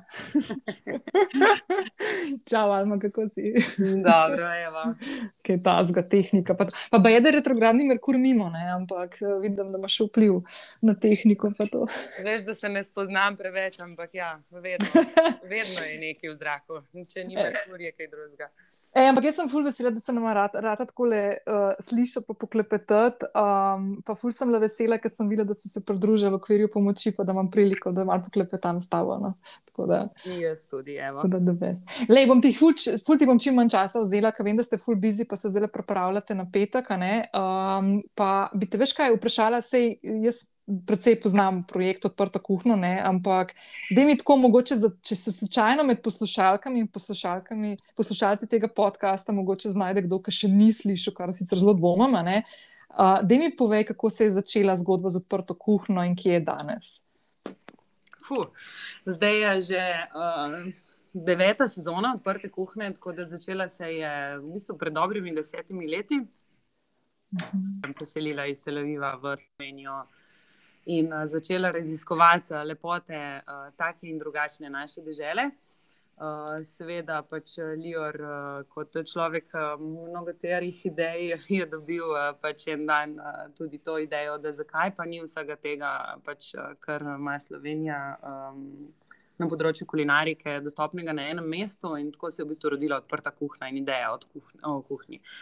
Mhm. Um, Začela sva kot eh, dva mulca, dobesedno 20 plus stara, uh, pač postavljati uh, celo prireditveno sceno sama, uh, kontaktirala sva vse pač najboljše gostince. Uh, vse sva nekako sama, mislim, da sem imela še dve, dva študenta takrat uh, za pomoč izpeljala mm -hmm. in uh, event za eventom, uh, petek za petkom uh, je zadeva v bistvu rasla in uh, že v bistvu v tistem letu, mogoče letu, v letu kasneje, prišla do tega, kar smo si mi dva v bistvu zamislili. Ej, dobro, se pravi, tako že skoraj desetletje, vsak sončen petek, tam od marca do, konca oktobra. Pa mhm. polumes je kuhna potovala tudi v druge kraje po Sloveniji, pa dobila sestrico pivo in burger fest. Uh, uh, in tako naprej. Ne? In dej, veš, kaj me zanima? Ker ena stvar, ki se mi zdi tako ful lepa pri odprti kuhinji, to, kar si ti zdaj že umenila, da sta dala na trg uh, prikaz. Kaj Slovenija kot kulinarična destinacija ponuja domačim in seveda tudi tujim obiskovalcem in turistom. Ampak ena stvar, ki se mi zdi ful, ful, fajn je to, da je z odprto kuhno v zadnjih letih tudi prepoznavnost slovenske kulinarike mislim, in z gostilnami, ki se tam pojavljajo, tudi jaz sem za nekatere takrat prvič slišala in še danes, naprimer, kakšne. Ampak se mi zdi, da v zadnjih letih je Slovenija tako na tem področju res naredila en tak ful, ful močen preboj, kar se konec koncev vidi tudi pol tako odmeva to tudi v tujino, ne? zdaj tudi z Mišelinovimi zvezdicami in še vsemi drugimi stvarmi, ki se dogajajo. In meni se zdi, da je torej odprta kuhna odigrala ful, ful veliko in pomembno vlogo. Pa eno stvar sem še hotela samo omeniti, um, Vključili ste se pa ful dobro tudi v Ljubljano in v vse projekte, med drugim naprimer tudi to, da ste zelo okoljsko in trajnostno naravnani. Uh, Detko, mogoče še to malo, tako čisto za obiskovalce, ki prihajamo tja v petkih. Uh, kaj je tisto, kar mogoče mi obiskovalci niti ne vidimo, pa se zadnji ful dogajajo, veliki premiki? Pa mislim, da je uh, ta trajnostna naravnanost pač uh, en tak uh, naraven. Uh, oziroma naraven in nujen uh, pač ukrep, ki ga moramo sprejeti, ne samo mi, v bistvu vsak mm -hmm. na svoji pač osebni um, ravni in pač absolutno v podjetništvu tudi. Še posebej, ko pač projekt je tako velik, da vključuje. Um, toliko enih ljudi in uh, biznisov na enem mestu, in imajo dejansko veliko uh, vpliv na okolje. Ne? -hmm. Tako da mi smo se tega takoj, v bistvu, mislim, če, če govorimo o hrani, smo se tega zavedli že po prvem eventu, ker nam je pač nekaj hrane ostalo. Ne. Mm -hmm. In takrat se spomnim, da smo jo pač odnesli uh, na preširno trg, v bistvu. Uh, uh, prvim brezdomcem, ki smo jih srečali, ne? in potem smo to v bistvu malo bolj sistematično uredili uh, z pač, projektom Botrstvo, potem z filantropijo ne? in v bistvu začeli samo že s to preostalo hrano jo pač razdeliti uh, tistim, ki so jo pač potrebni. Potem uh, smo opazili, pač, da je waste, uh, pač ravnanje z odpadki ena taka stvar, ki je pač uh, full ključnega pomena, tako da smo tudi takoj se povezali pač, z podjetjem Voka Snaga in v bistvu od njih, um, oziroma z njimi, vzpostavili tak res uh, dober uh, sistem uh, ločevanja odpadkov. Hkrati pa smo pač vso embalažo, ki jo sproduciramo na odprti kuhinji, preusmerili v biorazgradljivo. Se pravi, vse, kar obiskovalec mm -hmm. dobi v roke na odprti kuhinji, je iz biorazgradljivih materijalov. Um, načeloma, v bistvu nimamo niti ene plastenke vode, več so te v um, piksnah ali pa v steklenih uh, um, embalažah. Uh mhm. -huh. Tako da s plastiko smo pač že nekaj let uh, zaključili. Ravno tako pač hočemo biti vzor um, to vrstnim prireditvam oziroma uh, katerim koli dogodkom, ki pač um, uh, delajo z embalažo oziroma z nekimi stvarmi, ki jih uh, lahko uh, pač, um, preprečimo. Ne? Da smo vzor, če lahko mi pač na taki, na taki količini ljudi in ponudnikov lahko pač to počnejo, pa tudi vsi mm. ostali. Um, to je ena recimo, izmed bistvenih stvari, ki, jo, ki, smo, pač, ki smo se res zavezali, na katero smo se res zavezali, in uh, verjamem, da lahko v prihodnje pač zadevo sam še nadgradimo. Ne? Ej, Ej, veš, kaj je ena stvar, ki se mi je tako, mislim, zdaj v zadnjem letu pa pol, ki se pač mhm. soočamo in, in dogodki, kamor pač tudi odprta kuhna sodi, so pač res, pa, pa gostinstvo, seveda, kot celota, mhm. so res tako pač najbolj pod udarom in tle še dodatno še turizem, ki je bistveno manj tur, uh, tujih turistov, kot smo jih poznali prej v prejšnjih letih in so bili pomemben del tudi za odprto kuhno. Uh mhm. -huh. Da mi povej, lani, lani in letos se je sezona začela ful kasneje. Uh -huh. uh, jaz se spomnim sploh letos, mislim, tiste pomladne mesece, jaz sem čakala, mesec del, ko sem nekako povezovala, da bomo šli nazaj v neko normalnost tudi s tem, kdaj boste vi začeli. In, in tudi lani. No? In zdaj, kako naprimer, se v takih razmerah, kot smo bili z njimi soočeni, en projekt, tudi odprta kuhna. In vsi vi, ki ste v bistvu vezani na to podjetniško zgodbo, kako ste se tukaj znašli, oziroma na kakšen način ste se prilagajali, pa mogoče kakšne nove priložnosti videli v tem času, ki ste jih uh, ujeli in izkoristili. V to vprašanje je v bistvu ful široko in tleja, veš, gre, gre v toliko različnih smeri, zdaj vse lahko. Um, najbolj pomembno se mi zdi, kar smo se recimo mi tukaj naučili, oziroma spoznali, ki smo ga dobili, da je uh, tako, kot življenje, tudi posel zelo dinamičen. Ne? In uh, v bistvu mi smo pričakovali. Leto 2020, po recimo desetih letih, ko je bilo naše podjetje ustanovljeno, en tak uh, uh, velik preskok v bistvu na bolje. Pač mi smo mhm. rekli, da okay, je deset let smo fulter do delali, zdaj pa mislim, da smo prišli do te točke, da zdaj lahko posel res zacveti. Uh -huh. In mhm. potem se nam je zgodilo leto 2020 ne? in je se to uh mhm. načeloma, pač vse se je podrlo, dobesedno. Uh, najbolj uh, smo strmeli k temu, da ohranimo pač ekipo, ki jo imamo, brez katere v bistvu odprta kuhna, odprta kuhna ne obstaja. Pač odprta kuhna je ena velika lju, ekipa ljudi, ki pač dela za njo. Hkrati pa pač smo tudi uh, tudi, uh, se trudili, hkrati smo se trudili nuditi vso pomoč, ki, ki je v naši moči, pač uh, gostincem in uh, pač, uh, mhm. restauracijam po celi Sloveniji. Mi se zavedamo, da vse ta trud, ki smo ga mi vlagali in ki so ga restauracije vlagale, da je prišla Slovenija do te točke, kot se reka, prepoznavnosti, ne samo pri nas, mhm. tudi v tujini, ne sme mi tu noč. In v bistvu nam je ostal ta mislim, o, o, ostane ti ta optimizem in ta, mislim, to je ta največja motivacija, ki jo imaš, da pač trdo delaš in garaš naprej, ker veš, da bo se ta krivulja pač, uh, pač šla tudi na vzgor. Uh, cel ta balans, uh, poslovni in življenjski, je v bistvu ena tako dolga krivulja, ki gre malo gor, malo dol, in mi smo zdaj prišli pač v eno fazo, ki je šlo malo dol, ampak vemo, da da stvari se bodo obrnile na boljše in da ta trud, uh, ki smo ga vsi skupaj v tem turistično-gastro turistično sektorju vlagali, ni, ni bil za manj. Ne. Um, to je eno tako spoznanje in tudi v bistvu uh, neka motivacija, ki nas žene naprej.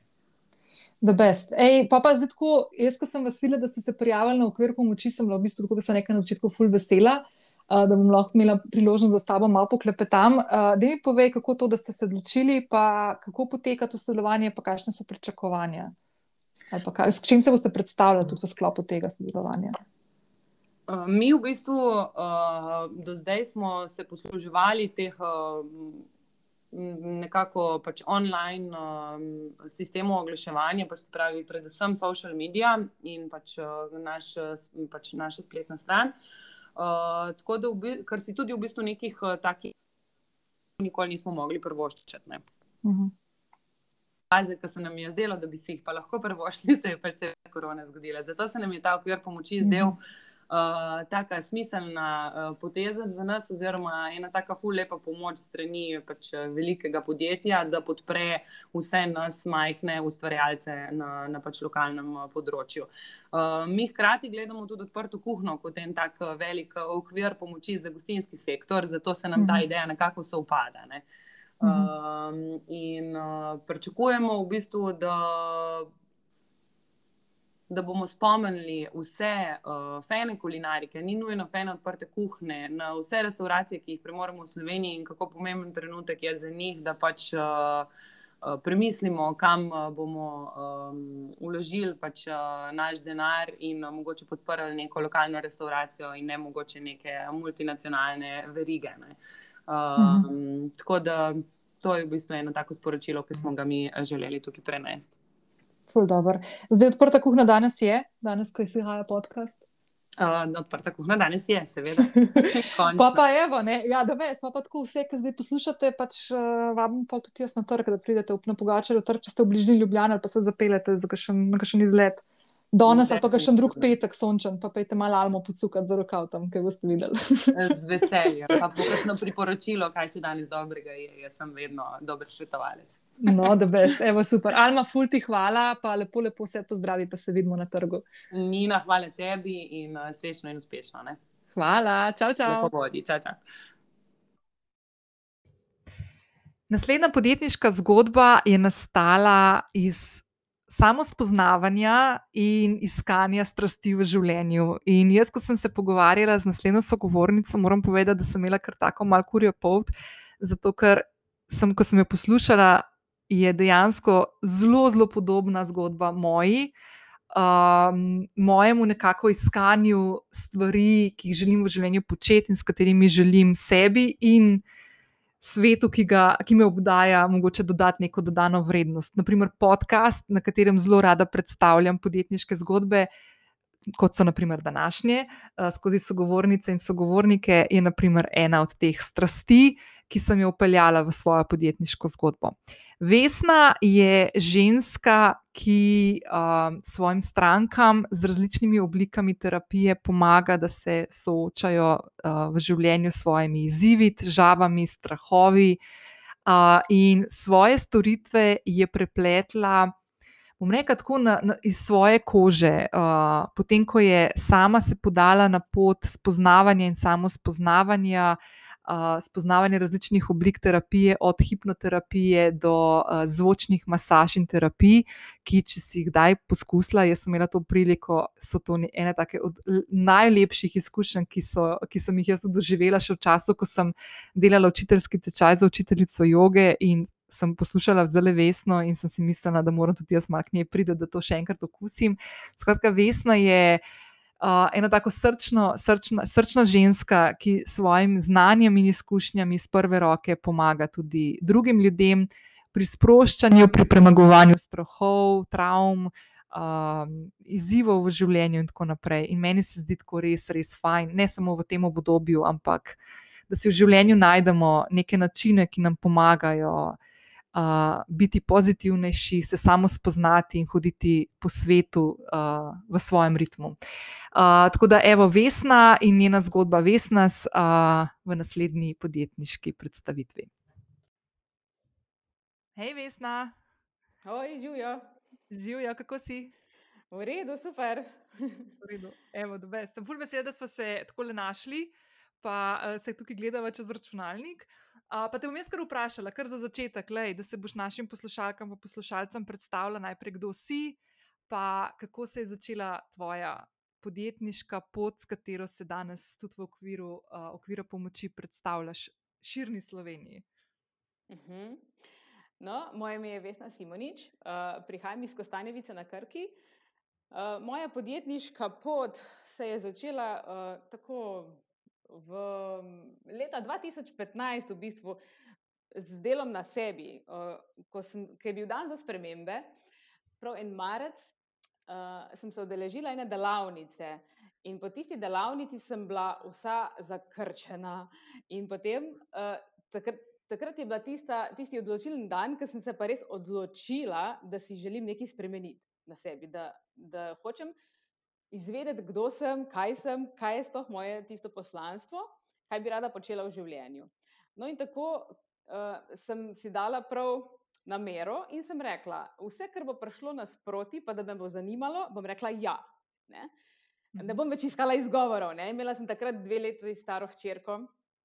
Uh, in bi bil lahko izgovor, nimam časa, nimam denarja, nimam varstva. Ne.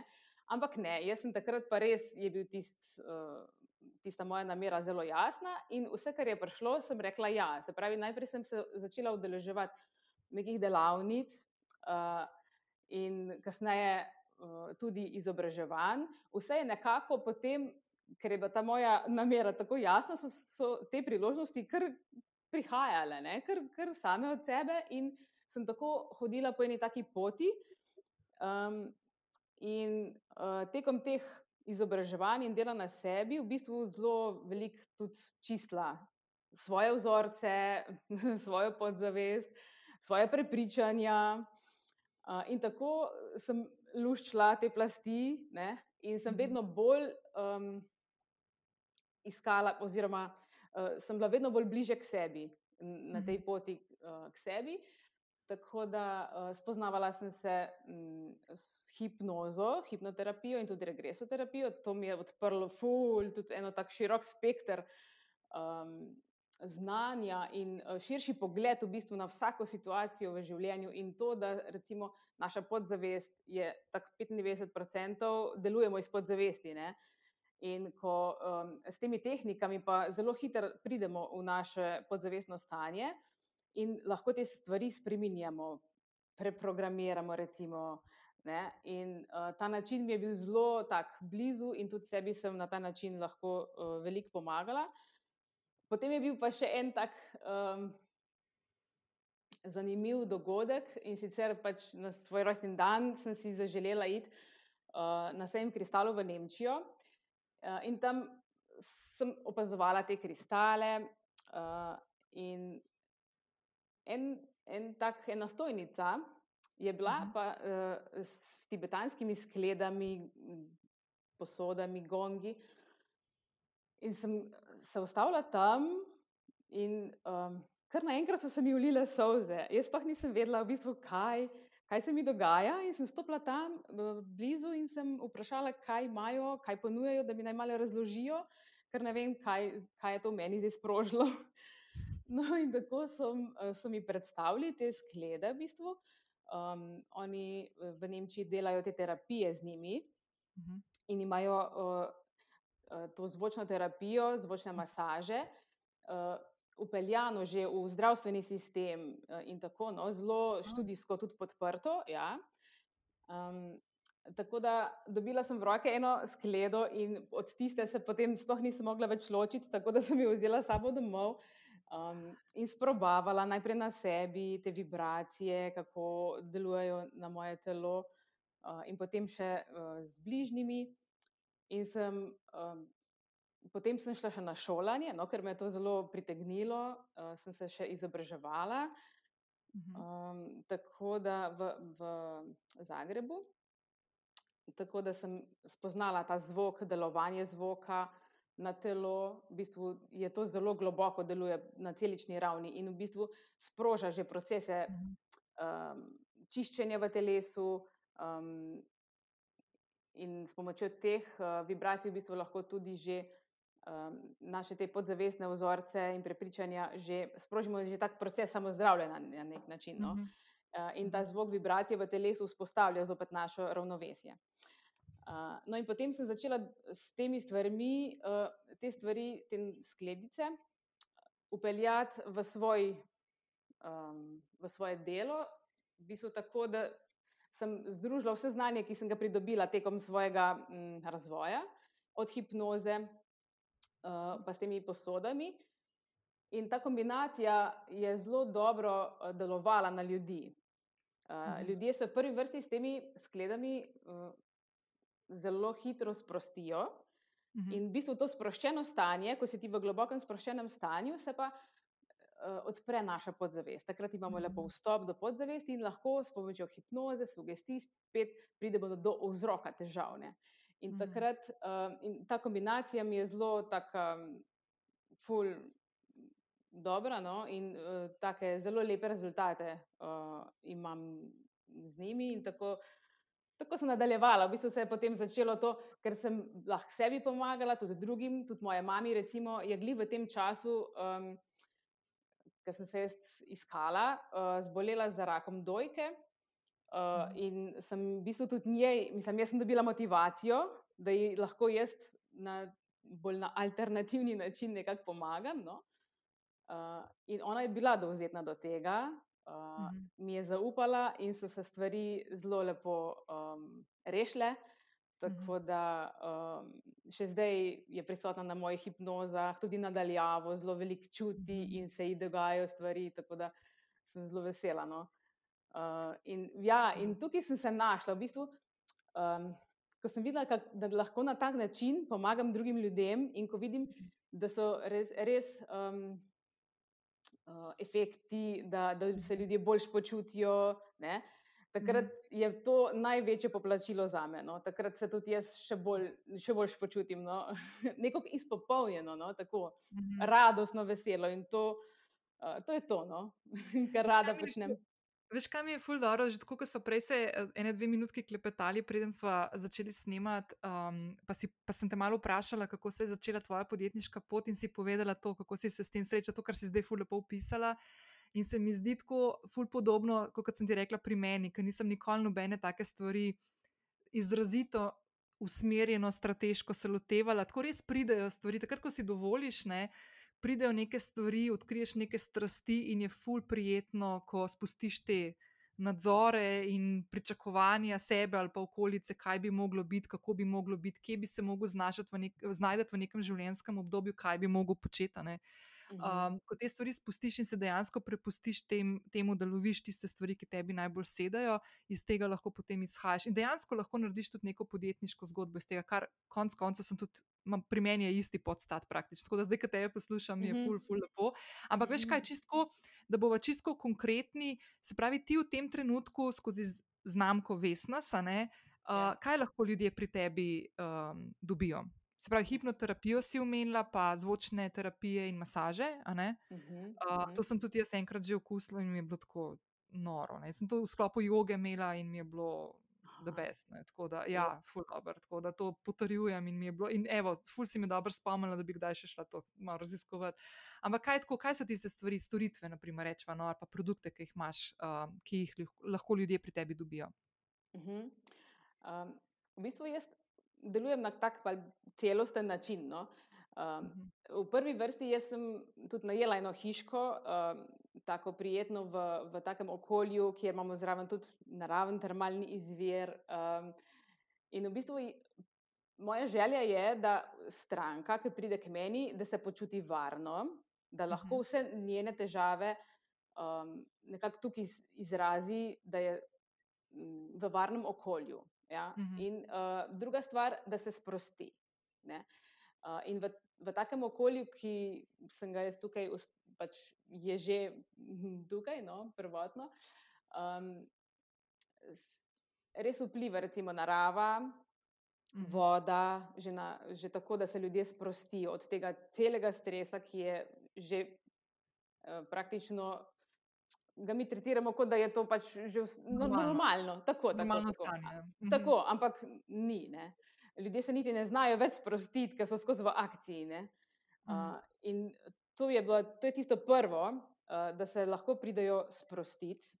Um, drugo, pot, uh, če imajo kakšne težave, da jih nekaj, um, mogoče tudi strahove, ne, strahove, uh, kakšne travme iz otroštva. Eh, in take stvari uh, se skozi terapijo potem odpravljajo. Zdaj, um, eno je, se pravi, ko smo rekli, eh, da se ljudje samo sprostijo, drugo mhm. je, če želijo korak naprej narediti, um, da delamo res na tem, da se nečesa, nek vzorec odpravi, ne, da poiščemo mhm. vzrok in potem uh, na ta način delujemo. Jaz v bistvu pri svojih terapijah vse uh, svoje znanje vključim zraven. No?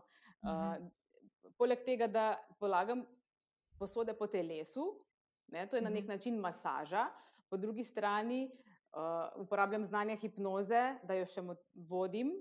Um, in tretja stvar je tudi energijsko je podprta zadeva. No. Uh, tako da je res tako, gre globoko. Um, potem pa uh, pri vsaki stvari, no, ko pač ima neka stranka um, neko težavo, um, so pa tukaj v zadju še uh, neki napotki, oziroma jaz ti dajem podporo še po terapiji, karkoli se z njo mhm. dogaja. Ker recimo pri sami terapiji sprožimo v bistvu mi te procese samozdravljenja in in lahko na, na plano pridejo. Kakšni, eh, še kasneje, dan, dva, uh mhm. -huh. po terapiji, -huh. še kakšne stvari. No? In uh, jaz sem tukaj v oporo še, še cel teden, ali pa še dokler pač potrebuje to podporo, no? da jo vodim, uh mhm. -huh. da mogoče tudi glede prehrane malo uh, svetujem, uh, potem gibanje, isto, recimo. Um, neka vrsta tudi joge, no? uh, polo, jogijski položaji, ki odpirajo meridijane po telesu. Ne? In tako. V bistvu um, nekako zajamem nek celostni pristop. No? In to, to hiško, ki si omenila ob tem naravnem uh, vodi izvirčku, in tako to je na Dolenskem, predvidevam, ne? Si rekla, blizu. Uh, ja, že, že v Posavju, no? tam pri Brežicah. Mhm. Ok, ok. okay. No, by the way, za vse, ki poslušate, itak bojo stvari v zapisu epizode polinkane, tako da lahko vesno najdete tudi tam in jo kontaktirate. In meni se zdi, da je tako malo zapeljala tja. Veš kaj, prej si eno stvar omenila, ko si mama omenila ne? uh, in si rekla, da si tudi nadaljavo delala. Uh, uh -huh. Delaš te terapije. Se pravi, zdaj, če jaz prav razumem, zdaj v zadnjem letu in pol, ki živimo v takih res uh, bizarno smešnih, čudnih, izzivajočih časih. Uh, kako, uh -huh. kako si se ti prilagajala tem stvarem, ker verjamem, da, da bi, bi verjetno si želela stvari tako delati v živo stranko. Uh, kako ja. si se pa prilagodila in na kakšen način si spremljala neke odločitve, in kako si se soočala in spoprijemala s tem, da smo bili, da je bil cel svet zaprt v svoje domove? Kako si se to prilagodila? Uh, ja, pač mogla sem se prilagoditi drugače. Jaz, v, jaz, jaz pristajam na pristne stike, na oseben stik s stranko, eh, da je res jaz tukaj nudim varno okolje, ne? ker marsikatera stranka se doma ne počuti varne. Ne? In uh, v bistvu ta kriza je še vse skupaj ful. Uh, Potencirala na nek način. No, tisti, ki so se sami sabo, uh, so imeli težave, neki čustvene, psihične, so, uh, so imeli pol še večje, ne, ko so bili doma zaprti. Uh, Tako da, ja, jaz sem se na tak način prilagodila, da sem potem delala preko spleta uh, ene delavnice in tako svetovanja, uh, nekaj pa tudi nadaljavo. Ja. Pač v bistvu delujejo te stvari, no, uh, tudi mm -hmm. nadaljavo, tako da ni problema. Lahko pa tudi preko. Um, Preko socialnih omrežij, no, preko Facebooka sem mm -hmm. tudi veliko uh, šla v živo, uh, prek, pač iz, v skupini. Mm -hmm. uh, Tako da, ja, sem se mogla prilagoditi, no, ampak uh, najbolj, najbolj pristno je pa tisto, kar je v živo. No. Valda, ja. Ja, ja. Ja, itak, ja, itak, ja. It, itak. No, to sem tudi jaz, jaz sem tako fur razmišljala, fur sem dobila nekaj vprašanj, ker sem tudi učiteljica joge in sem dobila fur nekaj vprašanj, če bi delala tako na Zoom, pa to, ampak jaz to tako. Težko je, no. težko je take stvari. Mm. Ene, ene so ful delale in so bile ful uspešne in kapo dol, res, ampak jaz mm. sem tako, jaz sem ful rada, tako jaz sem naprimer v poletnih mesecih. Uh, za letos ne vem, bomo še videli, če bomo jogo v Ljubljani, v parku, ponovadi smo imeli pa na špici, tle v centru uh -huh. in je mhm. tako par sto ljudi prišlo in meni je to noro. To, da je ta gužva fino, ampak se mi zdi, da smo zdaj že vsi tako mal, ki ne veš, a ja, ali ne, a bi, ali ne bi. Pol, uh -huh. Ja, mhm. tako ful so izzivi, no, se mi zdi, da smo se mogli kar vsi mal tako. Ampak super, če ja. si našla neko tako stvar, to je, to je debesno. Ja, Ej, da mi ja. povej, še, uh, prijavila si se na okvir pomoči od NLB-ja letos. Um, a si lani slišala za projekt, pa ka, kako poteka, kaj, kje se boš predstavljala, kje te bo ljudje videli, kaj pričakuješ? Tako da malo povej. Ja, ne, nisem nikjer to jaz zasledila, v bistvu mi je okay. prijateljica. Prijateljica mi je rekla, da to obstaja, da se naj prijavim, in potem sem res jo poslušala in se prijavila na, na to, in celo bila izbrana. Uh, tako da sem fulj vesela v bistvu tega. Je pa to tisto, kar tudi jaz najbolj potrebujem in kjer imam največje izzive ne? s promocijo. Ja. S, um, to, ja. Predstavljaš, da več ljudi znate zvene. Ja, ja. Po eni strani si ful želim, veš, da, da bi velik, večjim ljudem lahko pomagala, ne, ker, ker te stvari dan danes pa res ljudje potrebujejo. No. Um, po drugi strani mi je pa potem ja, izziv se mal uh, izpostavljati, pa um, v bistvu sama iti v neko tako promocijo, pa na splet, pa se s takimi stvarmi ja. Ukvarjati. Um, ja. Najbolj domača sem jaz v svojem poslu. ja, ali to je tvoj mehurček, kjer se ti dobro počutiš, ko veš, ja, ja. kaj je. Ja. Ampak eno stvar si zdaj ful dobro povedala, tako mimo grede, hvala tvoji prijateljici. Um, ampak eno stvar, ki si jo tako zdaj izpostavila, ravno s tem, da ti je prijateljica povedala za projekt Okvir pomoči, ki jaz vedno rečem in tudi zdaj v sklopu tega v vodu danes v, te, v to epizodo sem povedala, kako je pomembno, da podjetniške zgodbe podpiramo s tem, da tudi svojim prijateljem povemo za kakšen izdelek ali pa storitev, ali pa smo bili zadovoljni na kakšnem ali dogodku, kako koli. Uh, ker ljudem, ki nam tako povejo, najbolj zaupamo. Ne? In um, vedno nekako hočem tako, um, tudi zdaj, ko se s tabo pogovarjam in z ostalimi podjetniki.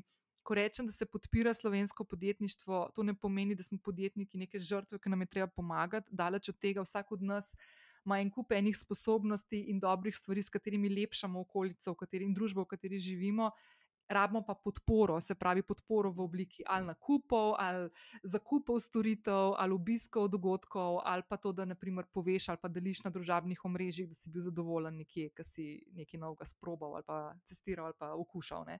Tako da se mi zdi, te stvari, znamo biti full hitro kritični in na hitro povedati, kaj nismo veseli, takrat, ko smo pa veseli, pa prevečkrat stvari zase zadržimo. No. Tako da je tvoja prijateljica, ki je videla za okvir pomoči in se je zdelo, da bi bilo to fajn zate, ne, super, da ti je to povedala, da si za to slišala. Tako da to je ta primer tega, kako je od ust do ust najbolj pomemben način mm. podpiranja oziroma odpiranja nekih priložnosti. Ne. Uh, ja, tako da, tako da, ful dobro.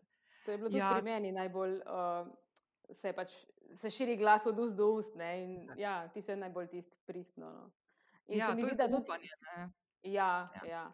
Uh, in jaz sem tudi za podporo teh lokalnih um, podjetnic, podjetnikov, da se med sabo podpiramo, tudi povezujemo med sabo, ker se mi zdi, da bi pač skupaj smo itak močnejši. Ne? In vsak mhm. nekaj zna, vsak je dober na svojem področju, in če skupaj, recimo, vsak nekaj doprinese, lahko ful veliko dosežemo. No, ja, se premika se lahko, čeprav imaš mhm. občutek, da delaš mehke stvari, so na koncu, ki jih daš v verigo, ful močne. Ja, Tako da, absolutno ja. ne. Ej, ful sem vesela, da so se spoznali. Jaz bom malo na vezi ostala, ker bi tako enkrat prišla do tebe to provatno. Ja, z veseljem. tako da z veseljem. Ej, Vesna, ful hvala. Uh, jaz ti želim eno lepo poletje. Da boš imela mhm. čim večji odmev uh, na svoje sporočila, ki jih boš pošiljala uh, poleti ven. Pa pol ja, tudi naprej, ne, da se bo to držalo in da bomo imeli čim lepšo jesen in tako naprej, da se bomo lahko srečevali in dobivali tudi na kakšnih takih osebnih srečanjih in tako naprej, da bo čim manj teh digitalnih srečanj. No. Ja, ja, tudi jaz si tega želim. Hvala, hvala Ej, tebi hvala. tudi za povabilo. Z veseljem, z veseljem, lepo bodi. Enako. Čau, čau. čau. Evo, pa smo prišli do konca. 93. epizode podcasta Lovim ravnotežje. Jaz moram povedati, da vsakič, ko se pogovarjam s kakšno podjetnico ali pa podjetnikom, in danes jih je bilo kar nekaj nanizanih, sem full vesela, uh, ker slišim njihove zgodbe, uh, moč. Um, Kako se znajdejo v določenih situacijah. Uh, jaz lahko tudi iz prve roke, se sem to že parkrat povedala, zelo v zadnjem letu povem, da um, razmere s katerimi se zadnje leto in pol soočamo, podjetniki in podjetnice, so, ne bom rekla, so tudi naporne, znajo biti naporne, težke, težke preizkušnje. Um, zahtevajo veliko fleksibilnosti, zahtevajo ogromno nekih novih uh, odločitev, uh, um, sprejem, sprejemanje odločitev, odgovornosti, uh, kar, s čimer se dejansko srečujemo vsi, ki hodimo po podjetniški poti, ampak mislim, da je zdaj le zadnje leto kar na takih enih težkih steroidih. In jaz sem blazno, blazno vesela, ko v okolju uh, vidim in spoznavam nove podjetniške zgodbe, ali pa tiste, ki jih poznam, nekatere zelo dobro, kot je naprimer odprta kuhna, s katero sem sodelovala dve leti in pol in je, je projekt, ki mi je še vedno ful pri srcu. Um, ful sem vesela, da lahko uh, te, bom rekla, luč pozornosti, ki je. Če sem zdaj malo skromna, preveliko krat usmerjena na me, lahko usmerjam kam drugam. Uh, najraje to delam na podjetniške zgodbe slovenske, ker se mi zdi, da je med nami res en kupenih, izredno kreativnih, sposobnih, delovnih, marljivih, uh, ustvarjalnih ljudi, ki ne samo da. Uh, zaposlujejo tudi ljudi, ustvarjajo neko čarovnijo, ampak lepšajo dejansko družbo, v kateri živimo. Um, jaz sem se že pred časom začela tega zavedati, kako pomembno je podjetništvo v, v Sloveniji, ampak nikoli bolj kot um, lansko leto in oziroma od lanskega leta naprej. Um, te podatke, ki sem jih nanizala na začetku, v uh, uvodu te epizode, da mikro in mala podjetja v Sloveniji zaposlujejo več kot polovico delovno aktivnega prebivalstva oziroma zaposlenih ljudi in seveda njihovih družin, se pravi, da je to na koncu še večja, večja številka, so res visoke številke in jaz mislim, da se mora vsak od nas zelo, zelo prekleto dobro zavedati, da z vsako odločitvijo, ki jo sprejmemo, je pomembno, da se zavedamo tudi tega, kam dajemo svoj zaslužen denar z nakupnimi odločitvami, z naročilom storitev, obiski, konc koncev, ne vem, restauracij, lokalov, odprte kuhne v tem primeru, in tako naprej. Pomembno je, da se tega zavedamo, pomembno je, da dajemo skupno dobro nad osebnim dobrim, ne, vsaj približno, kdaj je in, uh, in da skupaj podpiramo okolje, v katerem živimo, ker bomo samo tako lahko močnejši in šli hitreje iz, uh, iz situacije, v kateri smo se znašli. Podjetniki in podjetnice nismo žrtve, ne potrebujemo pomoči, potrebujemo pa podporo in razumevanje okolja, v katerem delamo in ustvarjamo. Uh, in jaz z največjim veseljem te stvari vračam tudi nazaj. Uh, tako da hvala, hvala vsakemu, ki je ostal danes do konca, ki je poslušal to epizodo, spoznal mogoče na novo kakšno podjetniško zgodbo ali pa obudil kakšno uh, že, že spoznano. Uh, jaz bom v prihodnjih epizodah gostila še več podjetniških zgodb uh, in se fulj veselim, da jih kmalo predstavim tudi tebi, draga poslušalka, dragi poslušalec. Do takrat pa en lep petek, še lepši prvi julijski vikend in fajn poletnikovanje. Lepo bodi, čau!